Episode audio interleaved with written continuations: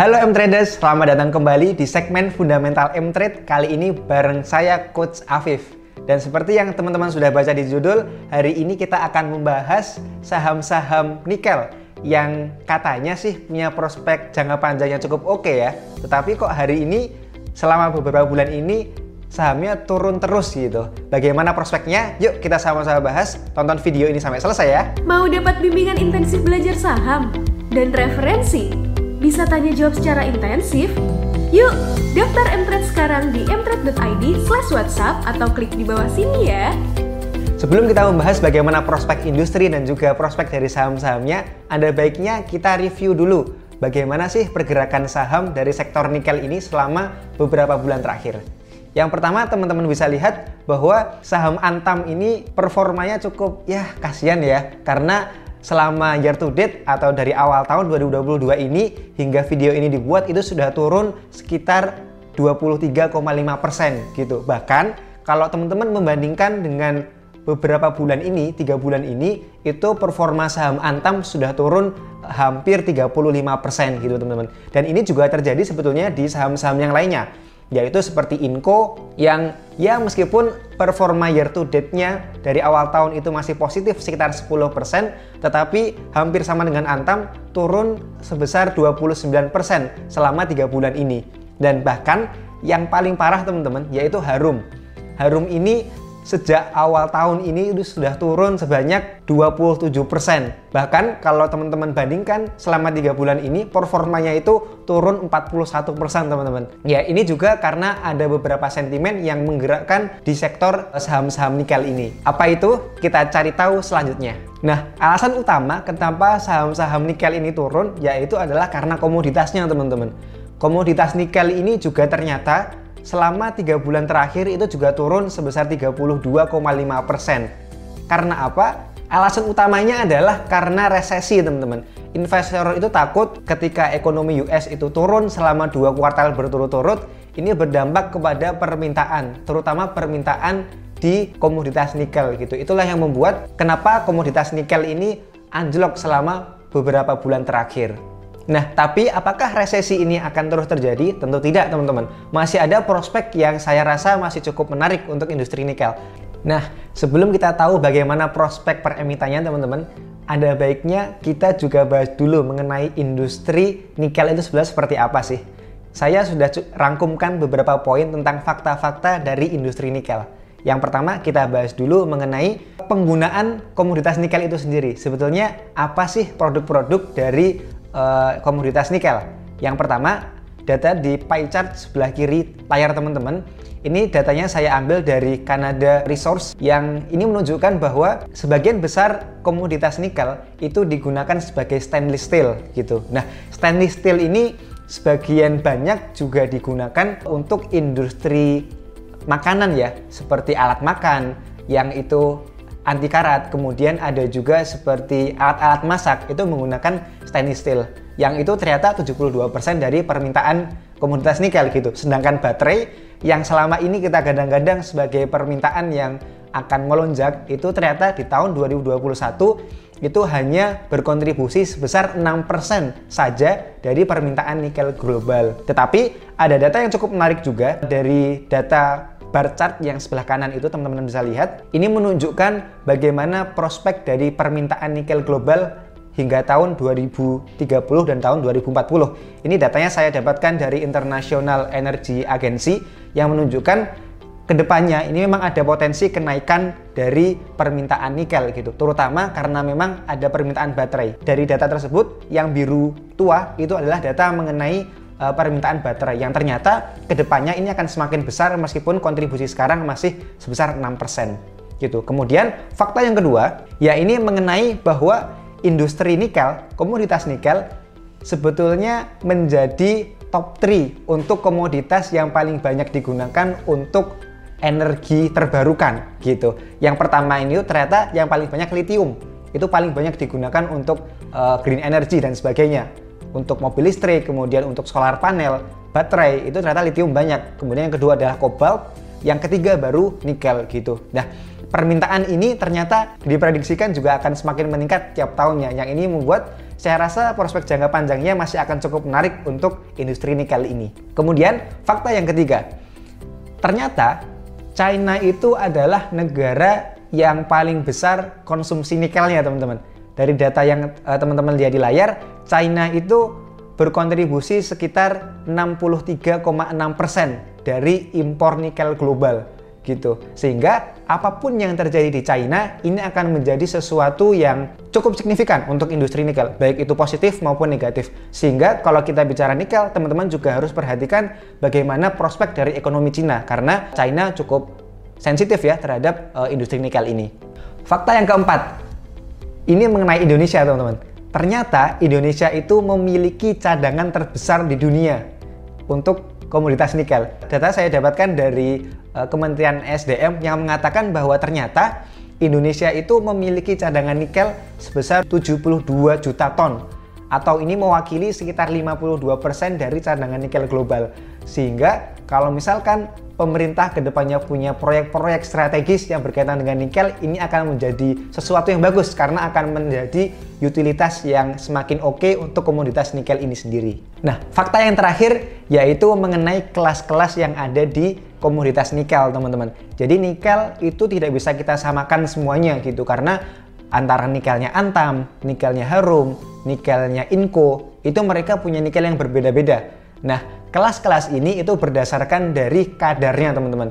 Yang tertinggi itu namanya nikel kelas 1. Kelas 1 itu kadar nikelnya sekitar 99%. Kemudian ada nikel sulfat, ada NPI atau uh, nikel pig iron itu nanti beda lagi. Nanti akan kita bahas mengenai bagaimana sih sebetulnya produk-produk dari emiten kita mengenai uh, komoditas nikel yang mereka hasilkan. Nah, selanjutnya kita akan membahas mengenai profil perusahaannya, teman-teman. Kita akan bandingkan antara Antam Inco, dan juga Harum. Nah, yang pertama kita bandingkan secara lama berdiri. Mereka ya bisa dikatakan sudah memiliki experience yang cukup lama ya, karena seperti Anka, Antam, Inco itu mereka memiliki umur e, eh, 54 tahun. Sedangkan Harum ini yang mungkin masih agak baru ya, sekitar 27 tahun. Tapi itu cukup e, cukup lama juga lah bisa dikatakan gitu. Sedangkan dari tahun IPO-nya Harum yang memiliki umur paling baru lah bisa dikatakan. Karena mereka baru IPO di sekitar tahun 2010 sedangkan Antam dan Inco itu di tahun 90-an mereka sudah uh, mulai IPO gitu. Sedangkan harga sahamnya bisa dikatakan juga bahwa mereka memiliki harga saham yang cukup yang cukup affordable ya. Karena mungkin teman-teman juga uh, sering memperdagangkan atau sering trading di saham Inco yang kalau kita bandingkan dari ketiganya memiliki harga yang paling tinggi di 5100-an gitu. Sedangkan secara market cap uh, memang di antara ketiganya memiliki market cap yang bisa dikatakan juga cukup tinggi gitu karena paling kecil itu Harum di 20,4 triliun ketika video ini dibuat sedangkan uh, yang lainnya itu sudah di atas dari 40 uh, eh, triliunan gitu. Nah, selanjutnya kita akan membahas juga mengenai bagaimana sih model bisnis setiap emitennya. Teman-teman bisa lihat di tabel yang sudah saya siapkan bahwa sebetulnya tiap perusahaan itu memiliki bisnis yang berbeda-beda teman-teman. Seperti Antam itu bisnisnya cukup banyak karena ada komoditas emas, perak, kemudian nikel itu sendiri yang mereka uh, produknya nikelnya adalah ferronikel. Jadi beda dengan nikel lain ya. Kemudian ada bauksit, aluminium dan juga ada sebetulnya masih ada banyak banget ya untuk uh, komoditas yang dimiliki oleh Antam gitu. Nah, yang membedakan Antam dari emiten lainnya Antam ini bagian besar dari pendapatannya ini dari komoditas emas, perak, dan juga refinery-nya yang ternyata berkontribusi sebesar 67% dari total pendapatan mereka. Nah, emas yang dihasilkan Antam ini itu bukan emas seperti tambang-tambang emas gitu ya. Tapi Antam ini mereka beli emas, mereka cetak, mereka uh, refinery, mereka cetak, kemudian mereka jual kembali gitu. Sedangkan nikel yang dimiliki Antam ini adalah ferronikel. Mereka punya tambang sendiri, mereka gali sendiri, mereka smelting sendiri, kemudian mereka cetak sebagai ferronikel, lalu mereka jual gitu. Nah, secara tujuan ekspor, tujuan penjualannya, ternyata Antam ini memang sebagian besar uh, dijual kepada domestik ya, karena di tahun 2021 full year itu 78% dari pendapatan Antam itu didapatkan dari penjualan domestik. Nah, selanjutnya adalah emiten Inco yang ternyata produknya ini 100% adalah nikel dan secara spesifik produknya adalah nikel matte, teman-teman. Secara tujuan penjualan, ternyata Inco ini 100% penjualannya dikontribusikan dari penjualan ekspor. Yang ternyata kalau teman-teman gali lebih dalam lagi, Inco ini menjual produknya hanya kepada pemilik induknya, yaitu ada Vale Kanada dan juga ada dari Sumitomo yang mereka uh, ternyata juga pemilik dari saham Inco ini gitu. Kemudian yang ketiga adalah Harum. Harum ini bisa dikatakan untuk sekarang nikelnya masih kecil ya teman-teman karena bisnis utamanya dari Harum adalah masih dikontribusikan dari batu bara gitu. Sedangkan untuk nikel itu baru mungkin akan masuk kepada pendapatan Harum itu di sekitar kuartal 3 di tahun ini, di tahun 2022 ini gitu. Nah, Harum juga ternyata hampir sama dengan Inco, mereka menjual 100% produknya itu ke pasar ekspor. Kemudian selain kita membahas bisnis model dari tiga perusahaan tadi, kita juga akan membahas bagaimana operasional perusahaan teman-teman. Nah, meskipun mereka sama-sama memiliki bisnis di nikel, tetapi mereka memiliki produk nikel yang berbeda-beda ya. Kita mulai dari Antam. Nah, ternyata Antam ini punya produksi per tahunnya untuk nikel ini sekitar 26.000 teman-teman.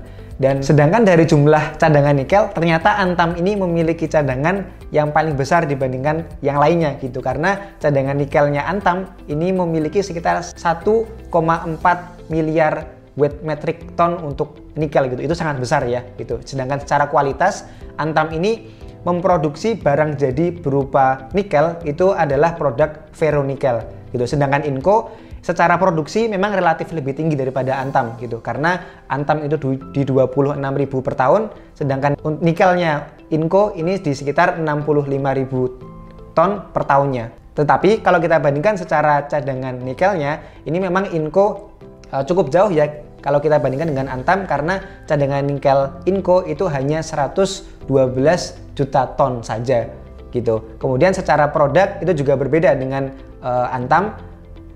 Inco ini memiliki produk berupa nickel matte gitu ya teman-teman.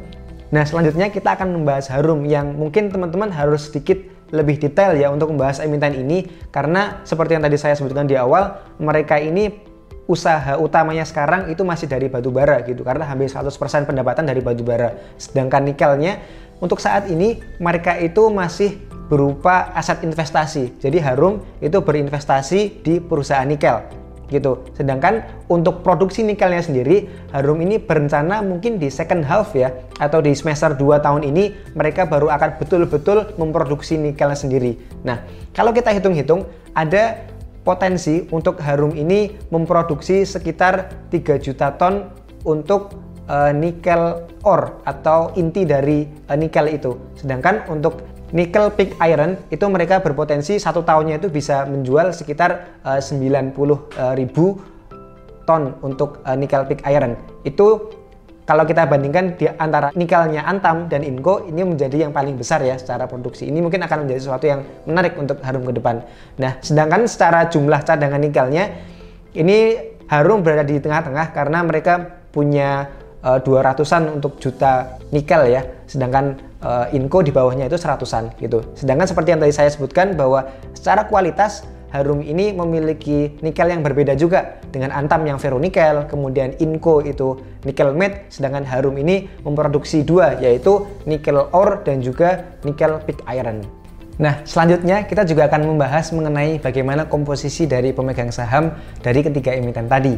Sebetulnya dua hal yang perlu teman-teman perhatikan dari kepemilikan adalah siapa pemilik-pemiliknya dan juga yang kedua seberapa besar sih kepemilikan dari masyarakat atau investor publik. Karena kalau terlalu besar itu tidak baik kalau terlalu kecil itu juga tidak baik gitu. Nah kalau kita lihat dari sisi uh, kepemilikan masyarakat antara tiga emiten ini memiliki uh, kepemilikan masyarakat yang cukup ya bisa bisa dikatakan oke okay ya tidak terlalu besar tidak terlalu kecil. Kayak Antam itu 35% Inco itu 22% Harum uh, sekitar 19% dari kepemilikan uh, publik untuk uh, saham dari ketiga emiten itu. Nah, kemudian yang kedua mengenai bagaimana uh, kepemilikan dari investor lain. Yang pertama adalah Inalum.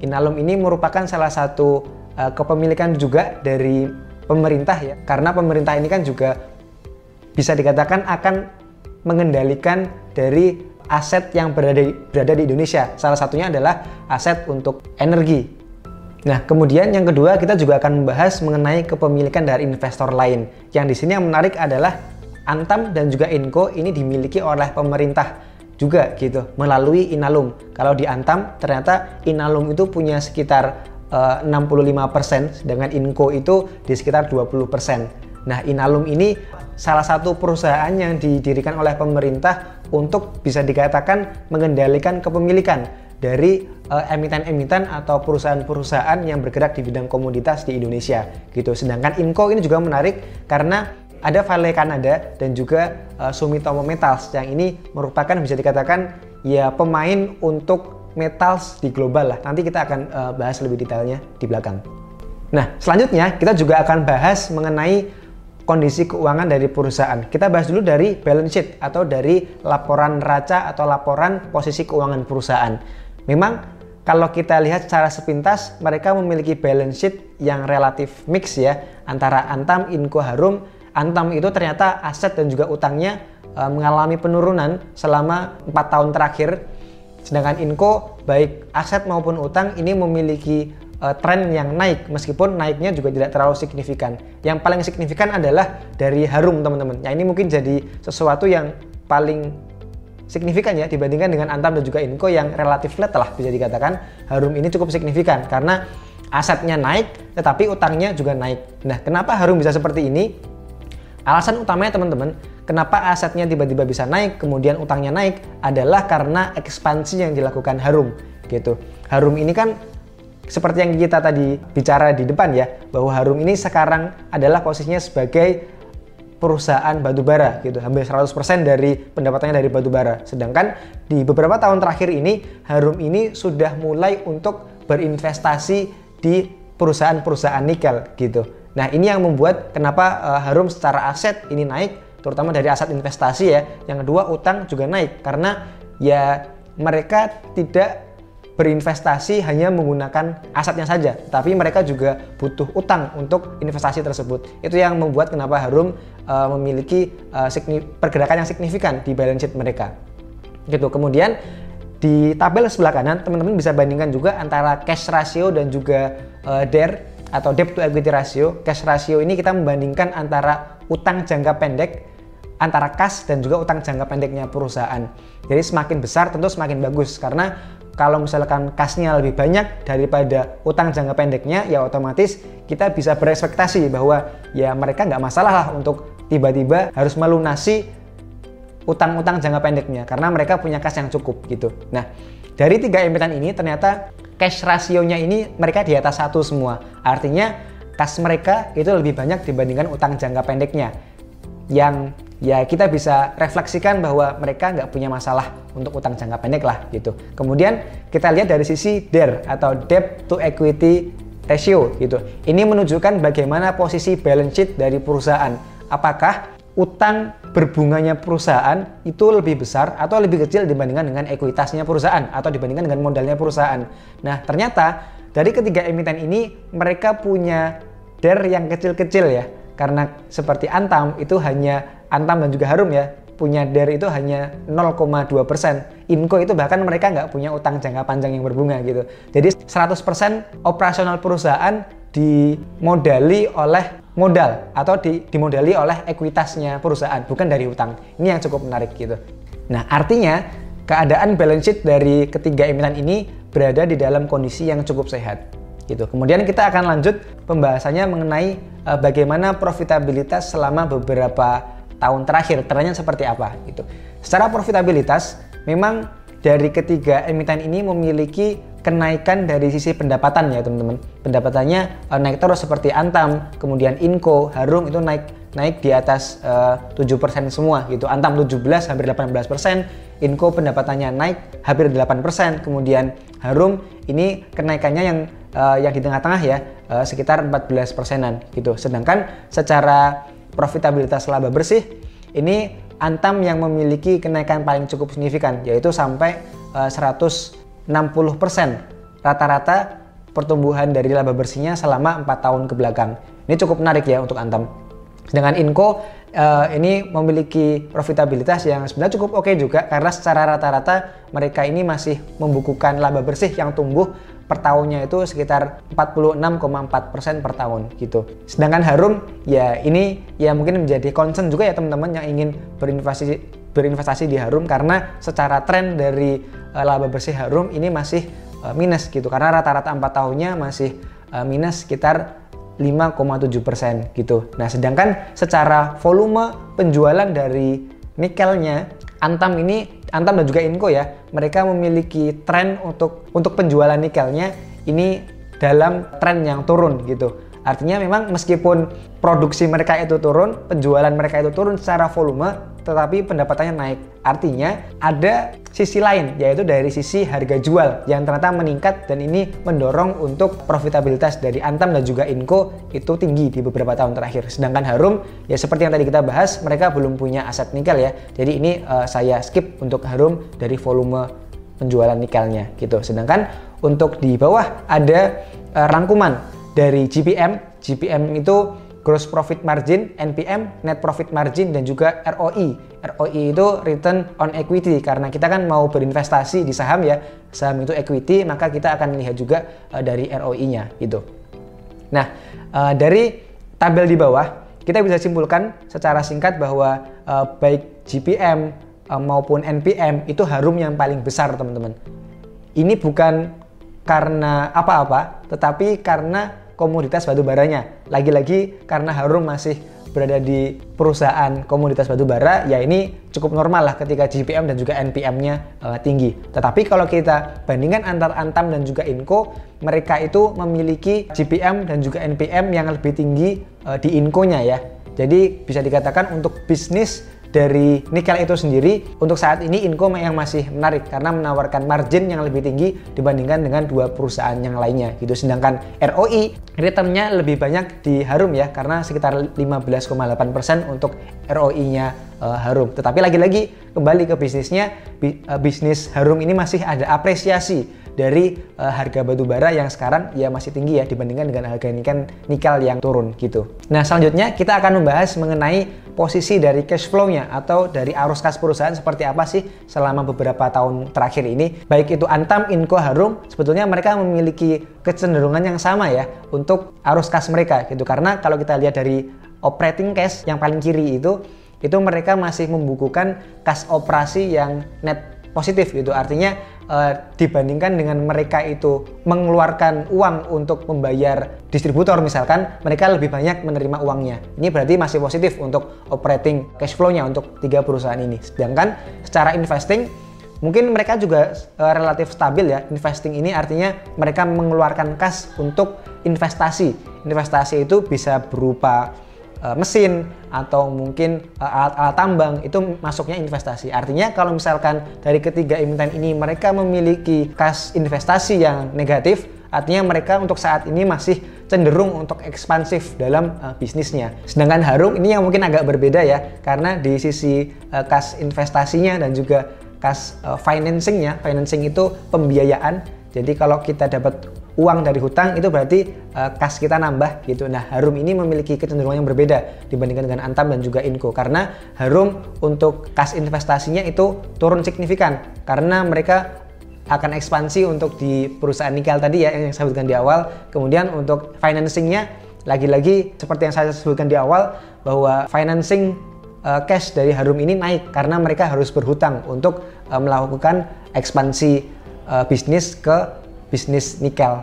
Nah, kemudian yang terakhir yang saya ingin bahas di uh, posisi cash flow ini adalah mengenai uh, free cash flow dari perusahaan. Free cash flow ini bisa dikatakan adalah kas yang sejauh ini perusahaan belum menentukan penggunanya akan digunakan seperti apa gitu. Sehingga semakin besar free cash flow itu akan semakin baik. Karena kalau tiba-tiba nih perusahaan ingin melakukan investasi, ya mereka bisa menggunakan cash dibandingkan mereka harus menerbitkan hutang misalkan gitu. Nah, dari ketiga perusahaan ini ternyata uh, Antam memiliki cash flow yang paling tinggi teman-teman. Free cash flow yang paling tinggi. Artinya ini akan menunjukkan fleksibilitas Antam ke depannya kalau misalkan tiba-tiba Antam ingin berinvestasi atau mungkin ingin uh, berekspansi di bisnisnya, Antam memiliki fleksibilitas yang paling tinggi. Sedangkan yang paling kecil adalah uh, Harum karena lagi-lagi mereka kemarin habis menggunakan uh, beberapa asetnya untuk uh, berinvestasi ya, gitu. Nah, selanjutnya kita mungkin nggak akan lengkap kalau kita membahas industri nikel, tapi kita nggak membahas juga tentang baterai electric vehicle atau mungkin electric vehicle-nya ya gitu.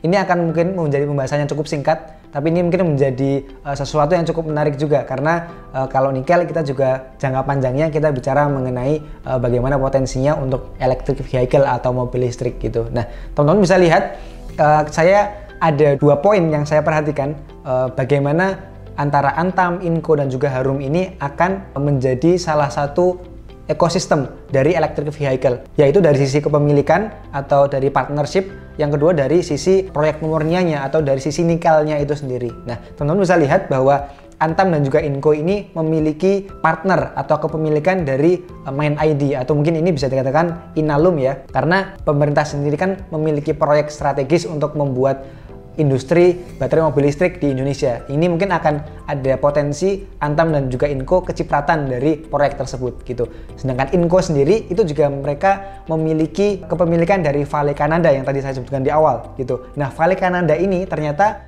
mereka memiliki partnership juga dengan Tesla. Jadi Vale Kanada ini mereka mensuplai untuk uh, nikel kepada Tesla. Artinya uh, yang paling dekat untuk saat ini bagaimana perusahaan akan masuk kepada industri electric vehicle ini Inco lebih dekat karena partnership dengan uh, Vale Kanada ini relatif lebih dekat dengan uh, ekosistem tersebut gitu. Sedangkan dari sisi proyek pemurniannya dari nikelnya sendiri seperti yang tadi teman-teman lihat di uh, grafik di awal ya bahwa nikel itu sebetulnya dari semua jenis nikel bisa digunakan untuk electric vehicle gitu. Tetapi proses pemurniannya akan berbeda. Nah, secara proyek pemurnian mungkin yang paling spesial adalah Inco ya teman-teman. Karena Inco ini mereka akan membentuk yang namanya smelter HPAL. Jadi HPAL ini mereka dapat uh, memproduksi dari nikel yang kadarnya itu rendah menjadi nikel yang kadarnya tinggi. Nah, ketika kadarnya tinggi, ini akan bisa digunakan untuk electric vehicle sehingga potensi dari Inco untuk saat ini ya, ini masih memiliki potensi yang paling besar untuk masuk kepada uh, industri electric vehicle itu sendiri. Sedangkan Harum ya saya sejauh ini belum melihat bagaimana uh, Harum akan uh, masuk kepada uh, industri untuk electric vehicle uh, ke depannya. Tetapi akan cukup menarik karena Harum baru memulai langkah untuk masuk kepada uh, bisnis renewable energy dari komoditas nikel. Nah selanjutnya kita juga akan membahas mengenai sentimen-sentimen lain yang mungkin akan mewarnai dari industri nikel ke depannya ya teman-teman. Yang pertama yang mungkin ini menjadi highlight yang paling uh, saya tekankan bahwa ada potensi untuk pemerintah ini melarang ekspor nikel, teman-teman. Kenapa? Lagi-lagi ini balik kepada proyek strategis pemerintah yang akan membuat industri uh, baterai di Indonesia. Sehingga kalau misalkan industri baterainya sudah jadi, ini akan membutuhkan nikel yang lebih besar lagi sehingga larangan ekspor mungkin akan menjadi salah satu opsi untuk uh, nikel di Indonesia ini bisa mensuplai industri baterai tersebut gitu. Dan ini juga akan ada hubungannya dengan yang nomor dua teman-teman yaitu mengenai uh, progres dari proyek baterai EV oleh pemerintah ya. Karena sejauh ini ya kita mungkin belum ada update terbaru ya mengenai bagaimana progres dari uh, proyek baterai tersebut tetapi ketika memang ada progres ini akan cukup uh, menarik gitu karena akan menjadi katalis positif untuk industri nikel uh, di Indonesia gitu. Kemudian yang ketiga ini mungkin lebih kepada fokus-fokus uh, emitennya yaitu Harum.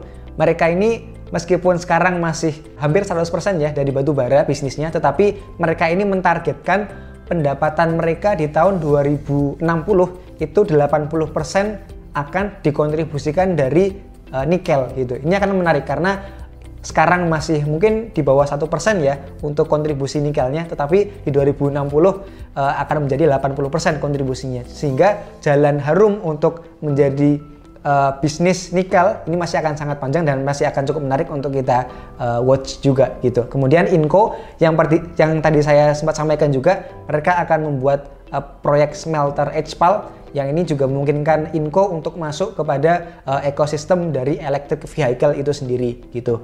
Nah yang terakhir adalah Antam teman-teman. Antam ini mereka sudah memulai untuk salah satu proyek smelter ferronikelnya gitu yang uh, mungkin kalau sudah jadi itu potensinya akan berkontribusi setahunnya menambah produksi ferronikel sekitar 13.500 untuk ferronikel baru gitu. Nah, rencananya Antam ini akan menyelesaikan uh, proyek smelternya itu di sekitar second half 2022 atau di semester 2 ini. Nah, sehingga ketika uh, ini akan sudah jadi untuk smelternya akan cukup menarik juga untuk uh, Antam secara bisnis nikelnya. Nah, selanjutnya kita akan membahas mengenai valuasi dari tiap-tiap emiten, teman-teman. Sebetulnya kalau teman-teman mau uh, menggunakan valuasi lain bisa ya. Salah satunya yang bisa uh, cukup menggambarkan adalah valuasi EV EBITDA. Itu bisa pakai uh, di, untuk uh, industri nikel gitu. Tapi untuk yang saat ini saya akan menggunakan uh, PE ratio atau price to earning ratio ya.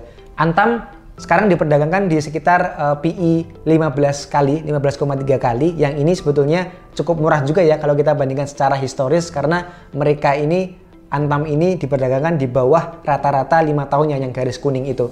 Sehingga uh, secara valuasi Antam cukup menarik lah kalau kita bandingkan secara historis. Sedangkan untuk Inco relatif hampir sama tetapi lebih terdiskon dibandingkan dengan Antam secara historisnya gitu. Karena Inco sekarang PI-nya berada di bawah garis abu-abu ya. Garis abu-abu itu adalah garis standar deviasi PI 5 tahun minus satunya gitu. Artinya sekarang cukup murah untuk valuasi Inco secara historis di sekitar uh, eh, 17,5 kali PI. Nah, sedangkan Harum kalau kita bandingkan dari valuasi historisnya Harum sendiri, ternyata sekarang itu Harum ya bisa dikatakan tidak murah-murah amat lah gitu karena sekarang di sekitar 11,8 kali PI itu di sekitar rata-rata 5 tahunnya.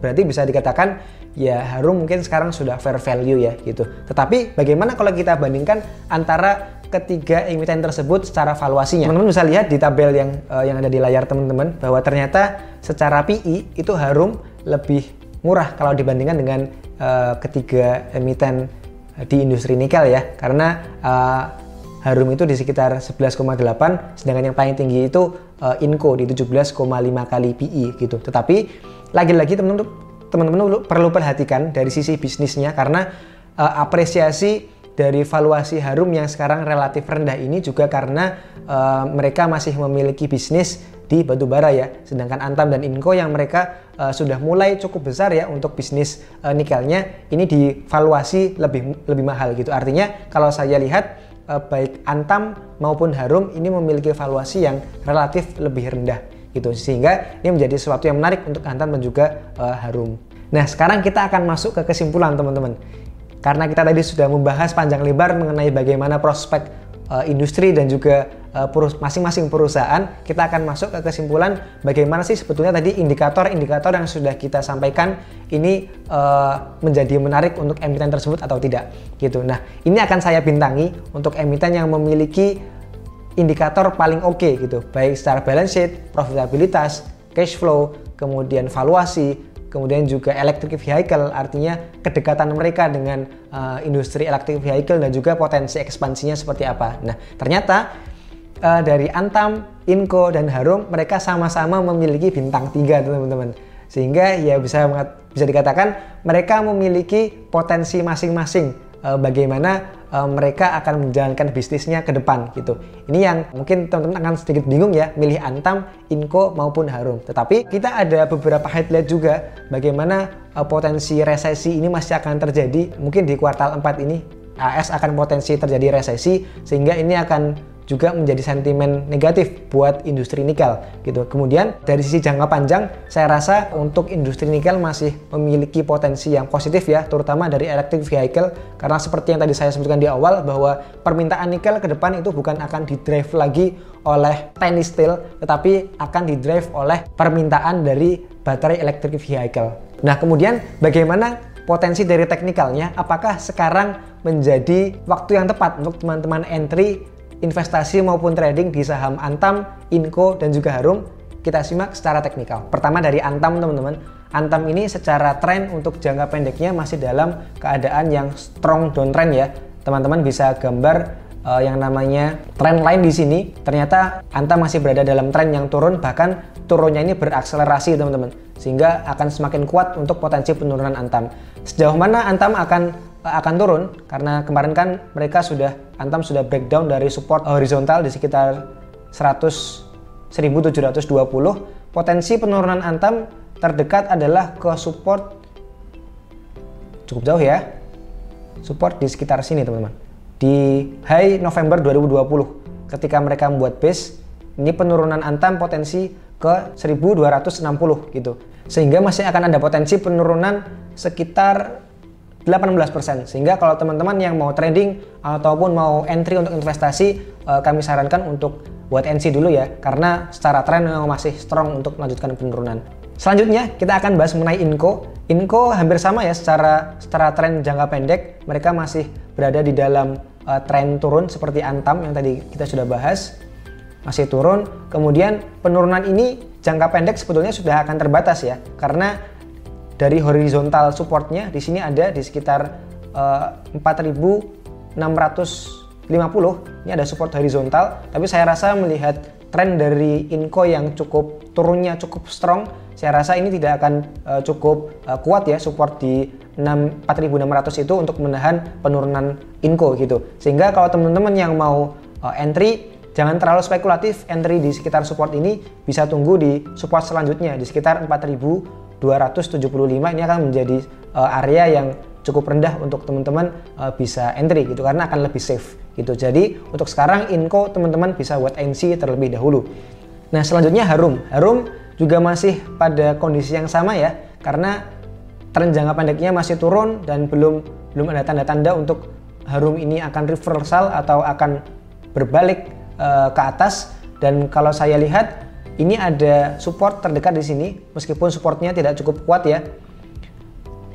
Dari low 4 Juli di sekitar harga sekarang di 1385 tetapi melihat sentimen yang jangka pendek masih cukup uh, negatif saya rasa masih akan ada potensi penurunan lanjutan. Ke mana? Ada support horizontal juga yang cukup jauh. Di sini teman-teman bisa gambar di sekitar 1200 ini ada dua high yang pernah diuji ya. Pertama di sekitar Mei 2021, yang kedua ada di Agustus 2021. Artinya ini menjadi support yang cukup kuat untuk saat ini uh, menahan penurunan harum sehingga untuk saat ini teman-teman yang belum punya bisa buat NC dulu dan nanti buat kembali jika harum akan menguji support 1200 karena ada potensi ada pantulan jangka pendek di sini yang teman-teman bisa manfaatkan baik itu trading maupun yang mungkin teman-teman juga mau investasi gitu ya itu untuk analisis secara teknikalnya. Bagaimana pembahasan kali ini? Cukup menarik ya teman-teman. Jangan lupa untuk download aplikasi Mtrade di App Store dan juga Play Store. Jangan lupa juga teman-teman untuk join member VIP Mtrade untuk mendapatkan trading sinyal, investing sinyal, kemudian seminar saham, morning briefing dan juga day briefing, serta tanya jawab dengan coach berpengalaman 7 kali 24 jam. Tunggu apa lagi? Klik link di deskripsi ya. Jangan lupa juga teman-teman untuk like video ini, subscribe dan juga bagikan ke teman-teman kalian. Sampai jumpa di video selanjutnya. Bye-bye.